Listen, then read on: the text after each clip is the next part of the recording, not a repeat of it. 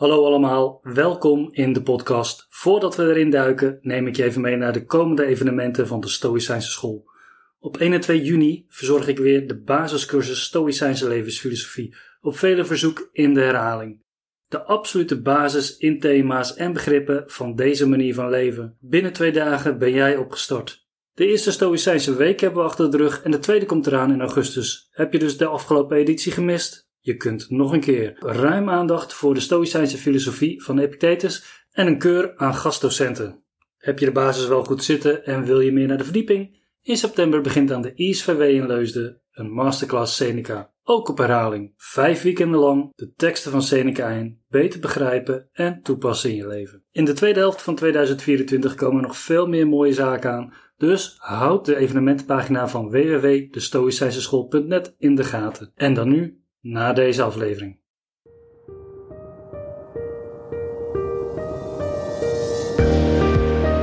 Welkom in de podcast van de Stoïcijnse School. De plek waar we de filosofie van de Stoa toepassen op je werk, je onderneming, organisatie, studie, gezin, sport, maatschappelijke kwesties en spiritualiteit. Mijn naam is Dennis de Gruiter, organisatiefilosoof, schrijver, practicus en jouw gastheer in de Stoïcijnse School.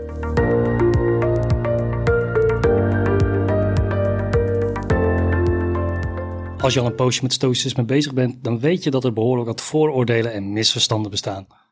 En een van de belangrijkste vooroordelen is, naar mijn mening, het idee dat stoïcisme een apolitieke, individualistische filosofie is. Daar valt een hoop op af te dingen en dat gaan we ook eens doen. Welke rol speelt politiek nou eigenlijk binnen het stoïcijnse denken en wat is het verband tussen de stoa en politiek? Een van de eerste dingen die we daarbij moeten opmerken is dat Socrates een van de belangrijkste invloeden op het stoïcisme is. Socrates wordt natuurlijk wel gezien als de aartsvader van de westerse filosofie. Wat je daar ook van vindt of hoe je daar ook over denkt. Het valt niet te ontkennen dat hij een hele belangrijke rol heeft gespeeld in de ontwikkeling van het westerse denken en filosofie als een manier van leven. We weten dat hij zich in publieke plaatsen bewoog en daar mensen ondervroeg over hun overtuigingen hoe ze dachten over belangrijke waarden of deugden en waarom dat ze dat deden. En vaak zag je natuurlijk dat mensen daar, door daarover na te denken, met zichzelf in de knoop raakten. En we weten uit de overlevering dat Socrates ook vaak klappen kreeg op straat, omdat mensen zo gefrustreerd werden van dat vragenspelletje wat hij voortdurend deed, dat het uiteindelijk ook gewoon leidde tot het proces tegen Socrates. In dat proces wordt hij aangeklaagd door twee voormalige leerlingen die stellen dat Socrates de jeugd bederft en nieuwe goden introduceert. Vanwege deze twee beschuldigingen staat hij voor de Raad van 500 in Athene en moet hij hen zien te overtuigen dat hij onschuldig is ten opzichte van die twee beschuldigingen. Zijn verdediging of apologie, zoals die door Plato is overgeleverd, laat hem zien als iemand die een hele slechte advocaat is. En dat komt omdat hij zo'n goede filosoof is. Socrates vertelt aan zijn burgers dat de God, tussen aanhalingstekens, hem opdracht heeft gegeven om te zorgen voor de ziel van zijn medeburgers. En dat kan hij alleen maar doen door hen vragen te stellen en hen te confronteren met hun eigen onwetendheid. En in de apologie stelt Socrates ook dat hij zelf niet alles weet, niet de ultieme bron is, maar dat hij eigenlijk het minst van iedereen weet, maar dat hij dat ook weet. Hij is zich dus bewust van zijn onwetendheid en dat maakt hem tot een hele goede ondervrager. Nou, Socrates verdedigt zichzelf dus heel slecht, omdat hij niet probeert te weerleggen waar zijn leerlingen hem van beschuldigen, maar hij bevestigt het eigenlijk alleen maar voortdurend. Want hij gaat die leerlingen zelf ondervragen op een filosofische manier. En dat zet behoorlijk wat kwaad bloed. Op een gegeven moment wordt er een stemming uitgebracht of dat hij veroordeeld moet worden. Dan mag hij nog een keer uh, een, een laatste appel doen aan de raad, waarin hij stelt van, nou ja, ik moet niet gestraft worden, ik moet juist beloond worden. Ik moet een kampioensmaaltijd krijgen voor alles wat ik voor deze stad doe. Ook al vinden jullie het misschien niet leuk dat ik al die vragen stel, dit is het beste voor een politieke gemeenschap. hij zegt dat natuurlijk niet met zoveel woorden, maar daar komt het grotendeels op neer. En als hij deze voor onze oren nogal arrogante reden heeft afgestoken, ja, dan is het echt raak, want dan is bijna de hele raad tegen hem en hij wordt ter dood veroordeeld. Een aantal van zijn vrienden bieden hem aan om hem te helpen ontsnappen, uh, waaronder Crito. En Socrates weigert dat. En vertelt ook aan Crito van luister eens, ik heb altijd de wetten van Athene, eh, daar heb ik profijt van gehad. Die hebben me altijd beschermd. En nu keren ze zich tegen mij. Dan kan ik niet opeens zeggen van nou oké, dit was allemaal maar gewoon uit eigen belang dat ik hier was. Nu ga ik er snel vandoor. Dat zou niet integer zijn met hoe ik ben en wat ik wil doen. Ik zou schade aan mijn eigen ziel toebrengen, ook al zou ik mijn lichaam redden. Uiteindelijk wordt de gifbeker gebracht. Socrates drinkt die vrijwillig leeg en sterft dan uiteindelijk. Met hoop op een beter leven in het hiernamaals of als er niets is, dan niets. De dood van Socrates is een splijtswam geweest in het Griekse en dus ook Europese denken over de relatie tussen politiek en filosofie. Althans, dat is de stelling van de filosoof Hannah Arendt. Zij stelt dat Plato, de leerling van Socrates, heeft gezien dat politiek en filosofie niet met elkaar kunnen samengaan. De dood van Socrates bewijst dat voor hem onomwonden.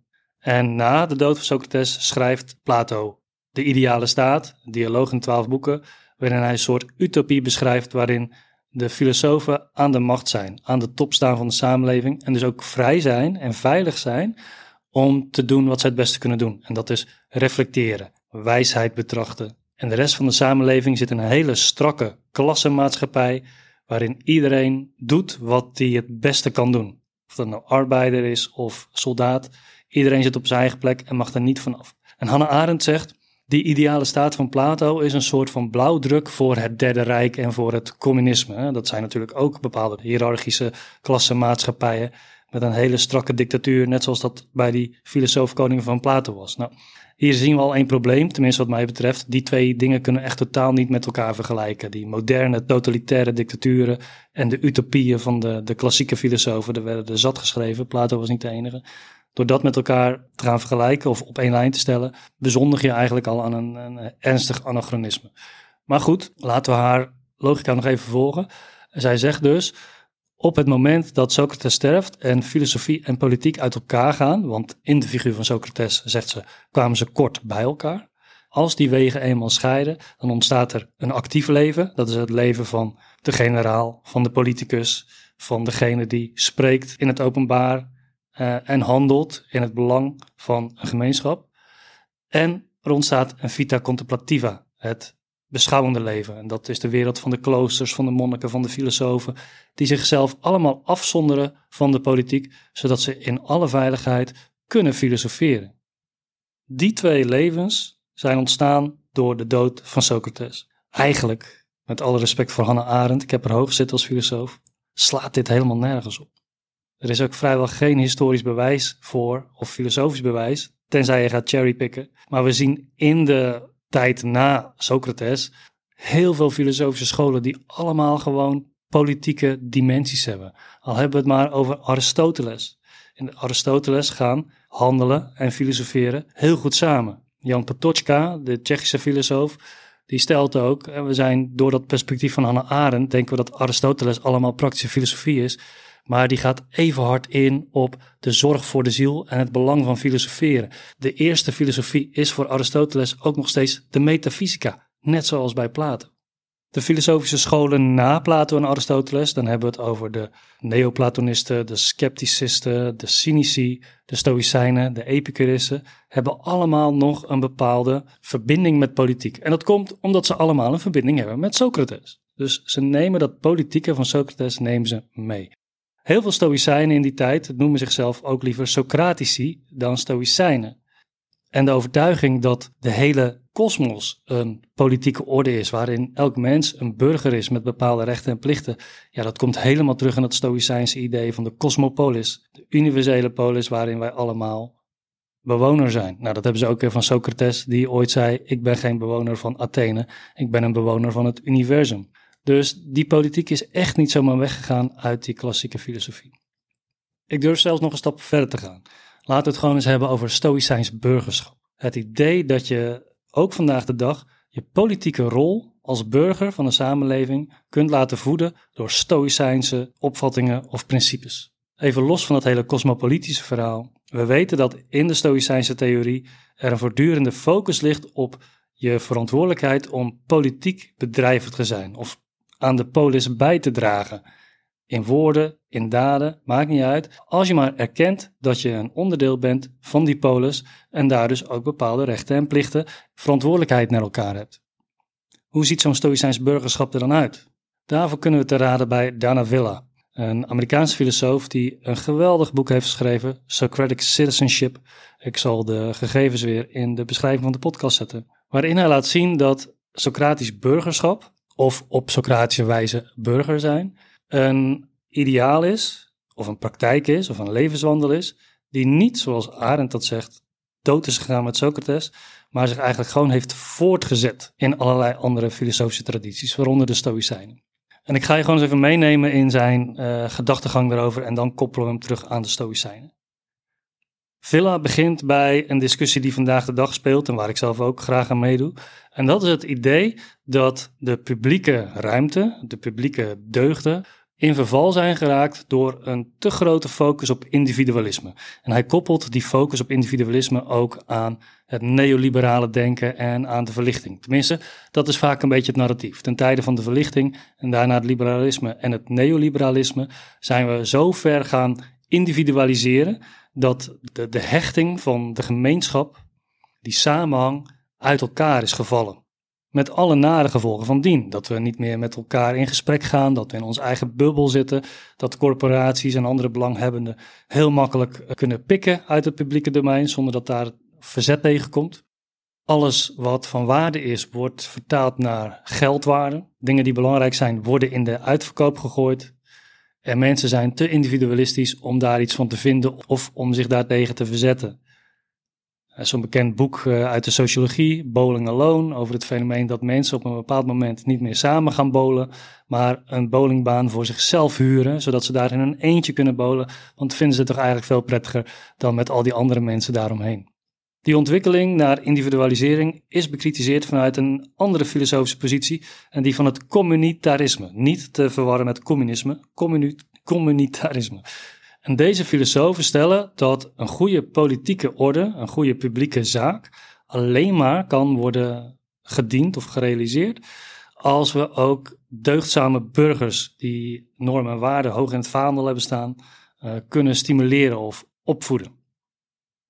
We noemen het maar even een publieke moraal. Iets wat mensen samenbindt om gezamenlijk zorg te dragen voor hun polis, voor hun politieke gemeenschap. En zo hebben ze een interessante tweespalt met die individualisten. Want wat zeggen de communitaristen? Die zeggen dus dat alleen als je publieke deugd en deugdzaamheid hebt, alleen dan kunnen mensen ook als individu in hun privéomgeving op de juiste manier gewoon genieten van wat het leven te bieden heeft. Individualistische denkers die draaien dat juist om. Die zeggen nee, juist als mensen vrij zijn om te doen wat ze willen, dat geeft genot. En daar zal ook een goede politieke orde uit ontstaan. Dat is meer een beetje de kapitalistische neoliberale manier van denken. Die eigenlijk al begint bij het bekende boek Fable of the Bees van de Rotterdamse filosoof Bernard Mandeville in de 18e eeuw. Het idee dat doordat mensen in alle vrijheid hun eigen gang kunnen gaan, dat daardoor een betere maatschappij uiteindelijk ontstaat. Dus die twee staan lijnrecht tegenover elkaar. Nou, het idee dat publieke deugdzaamheid, een publieke moraal, dat die uh, belangrijk zijn voor de gemeenschap, is natuurlijk ook een klassiek idee. Dat dachten de Romeinen en de Grieken ook.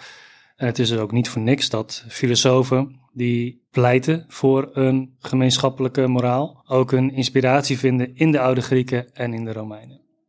En die stem voor een, een goed deugdzaam burgerschap, een sterke gemeenschap, die hoor je vandaag veel en ook terecht. Er is een hoop voor te zeggen dat als mensen samenkomen en bepaalde normen en waarden met elkaar delen en daarvoor willen zorgen, dat we daardoor een betere samenleving krijgen. Maar Villa, die gooit hier toch een, uh, een stok tussen de spaken en die zegt ja, als dat zo is, als we het allemaal vinden, dan is het ook wel logisch dat Socrates ter dood is veroordeeld. Want dat was nou precies een persoon die die publieke deugdzaamheid aan het ontwrichten was. Door zijn voortdurende sceptisch zijn, zijn eh, vervelende vragen over, ja, is het wel waar? Is het wel echt een deugd? Wat is rechtvaardigheid nu eigenlijk? We weten het zelf niet, maar we hebben er mond vol van. Die Socrates is een vervelend en misschien zelfs gevaarlijk figuur. Het was misschien wel terecht vanuit het perspectief van de communitaristen dat hij uiteindelijk uitgeschakeld zou moeten worden. Want hij is nou typisch zo'n vrijheidsdenker die ervoor zorgt dat die publieke deugd erodeert. Maar geen enkele communitarist zal dat zeggen natuurlijk. Socrates is een inspirerend voorbeeld voor heel veel mensen. Maar in de praktijk blijkt toch dat we mensen die vervelende vragen stellen of anders denken over hoe wij als gemeenschap erover denken, liever kwijt zijn dan rijk. Nou, kijk maar eventjes naar de corona gebeuren van de afgelopen jaren. Er is nu net een, uh, een documentaire op tv over uh, de coronakloof. Kan die nog gedicht worden?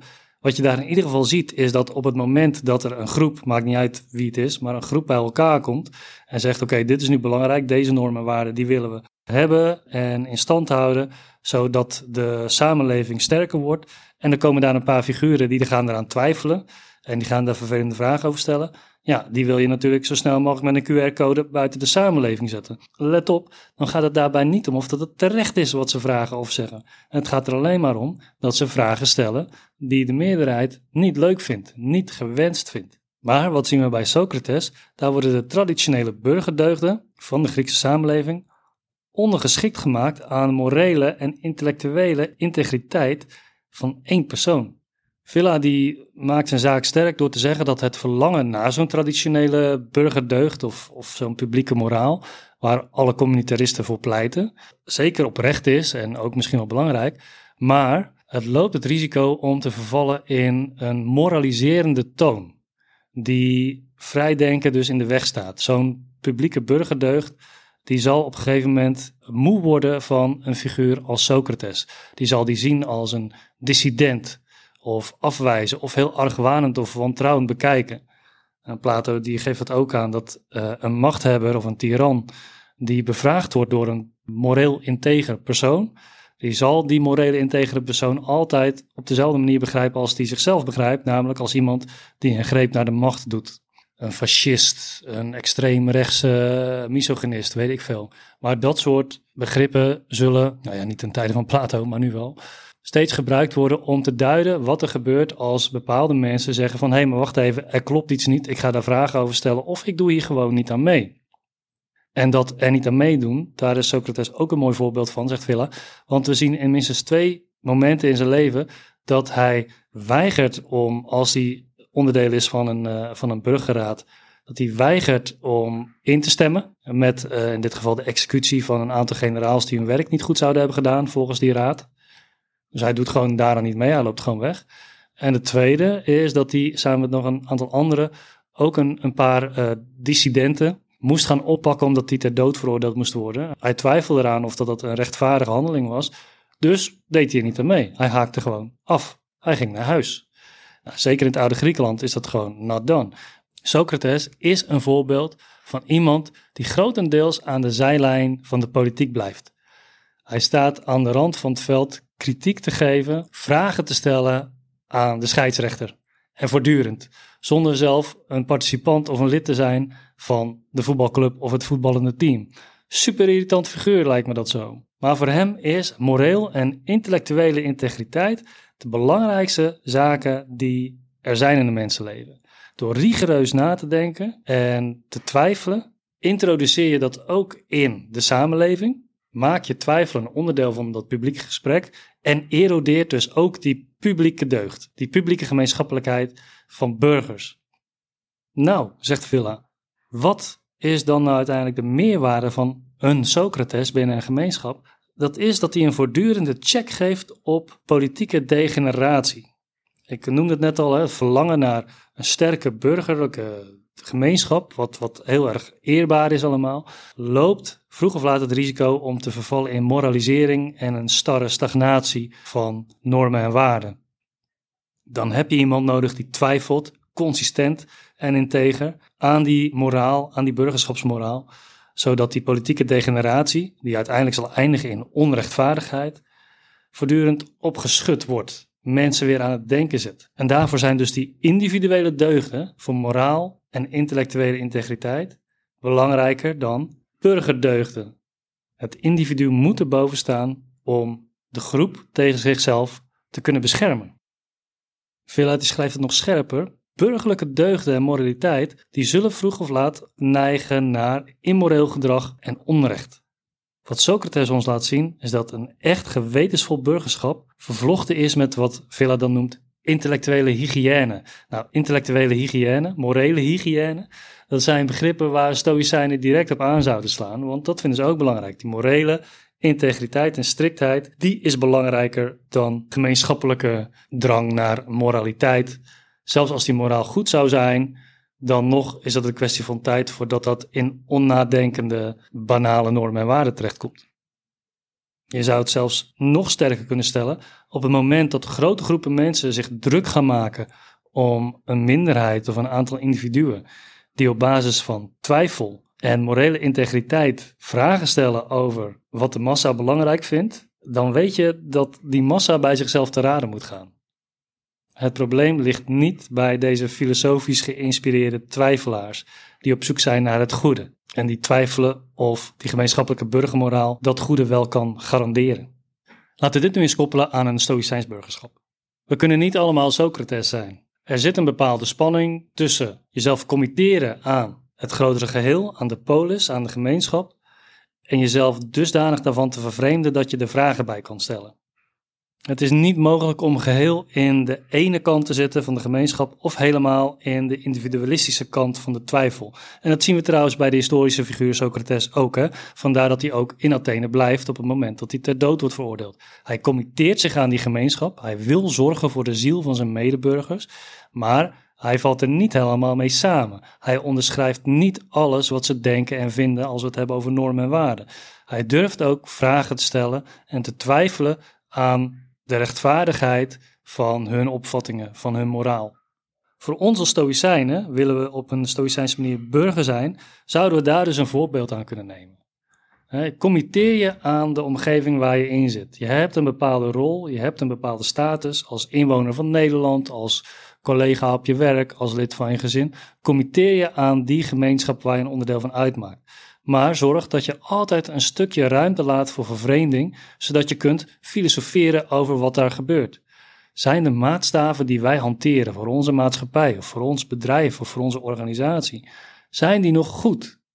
Zo ja, bewijs het dan, onderbouw het. Als we zeggen dat we een inclusieve onderneming zijn, wat bedoelen we nou met inclusiviteit? Wat is dat nou precies? Laten we erover filosoferen. Als we zeggen, zoals dat nu gebeurt in het Ierse parlement, dat de vrijheid van spreken moet worden opgeschort om het gemeenschappelijk belang te dienen. Wat is dan het gemeenschappelijk belang? Waar hebben we het over als we het over vrijheid van spreken hebben? Of zien we hier al een voorbeeld van een publieke deugdzaamheid die begint af te glijden naar corruptie en verval? Dit is misschien ook wel de verklaring waarom dat heel veel stoïcijnen die in de politiek actief waren, vaak ook dingen deden waarvan we denken dat die in strijd zijn met de Stoïcijnse filosofie. Denk aan Marcus Aurelius, die een aantal uh, landen rondom het Romeinse Rijk binnenvalt of de belastingen verzwaart. Ja, kun je zeggen dat is in strijd met de Stoïcijnse filosofie van medemenselijkheid. Tegelijkertijd ben je ook een lid van je gemeenschap, zit je in een bepaalde rol. Die twee dingen moet je met elkaar in balans zien te houden. Je moet jezelf committeren aan de gemeenschap waar je een deel van uitmaakt. Of zoals Marcus Aurelius het soms ook zegt in zijn persoonlijke notities. Ik moet deze mensen die om me heen zijn lief hebben. Ook al erger ik me mateloos soms aan ze. Committeer je eraan, maar dan houd je altijd zodanig vervreemd dat je altijd blijft twijfelen aan het goede wat anderen doen en het goede wat jij doet. Is dat wel echt goed? Is dat wel echt rechtvaardig? We kunnen één punt in ieder geval als een leermoment meenemen. En dat doe ik ook aan de hand van Dana Villa, Socratic Citizenship. Als de meerderheid een bepaalde positie inneemt en van streek raakt als daaraan wordt getwijfeld, dan moet er nog harder getwijfeld worden. Dan ligt daar iets waarover gefilosofeerd moet worden. Waar wij ons als stoïcijnen van dienen te vervreemden, zodat we daar op een juiste manier over kunnen nadenken en ook weerwoord kunnen geven. Er wordt wel gezegd, de weg naar de hel is geplaveid met goede intenties. Dat geldt voor iedereen. Dus zorg ook dat je je intenties voortdurend aan filosofisch onderzoek onderwerpt. En dat je beter nadenkt over waar je mee bezig bent. Kortom, Stoïcijnse politiek of Stoïcijns burgerschap is niet gewoon een theorie zoals het communisme of het socialisme of het liberalisme. Nee, het is een oriëntatie, een innerlijke houding die je kiest over hoe jij je verhoudt tot al die politieke systemen waar we door omringd zijn. Wat is jouw plek daarbinnen? Hoe denk je erover? Waar valt aan te twijfelen? Maar ook, hoe kun je mensen die onderdeel zijn van jouw gemeenschap bijstaan? Hoe kun jij in je rol als stoïcijn bijdragen aan het grotere goed? Soms is dat door mee te doen, of zoals Epictetus ook soms zegt, door mee te klappen op het festival, ook al heb je daar geen zin in. Maar soms doe je dat beter door niet mee te doen. Goed, dat was hem weer voor vandaag. Had je nog een kater van de laatste verkiezingsuitslag? Hopelijk heb je dan wat waarde gehaald uit deze aflevering van de Stoïcijnse School. Wil je meer? Word dan lid van de Patreon. En een shout-out aan alle patrons die we al hebben. Dank voor jullie support. En voor jou, blijf Stoïcijns en tot onderweg.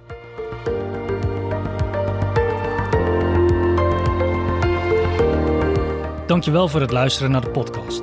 Wil je meer? Kijk dan op de website van de Stoïcijnse School of schrijf je in voor een cursus of workshop. Steun de Stoïcijnse School door deze aflevering met iemand anders te delen. Informeer naar een klassiek Stoïcijnse mindset training of word lid van de Patreon pagina. Je vindt alle informatie in de beschrijving van deze aflevering. Voor nu wens ik je veel vooruitgang en tot de volgende sessie.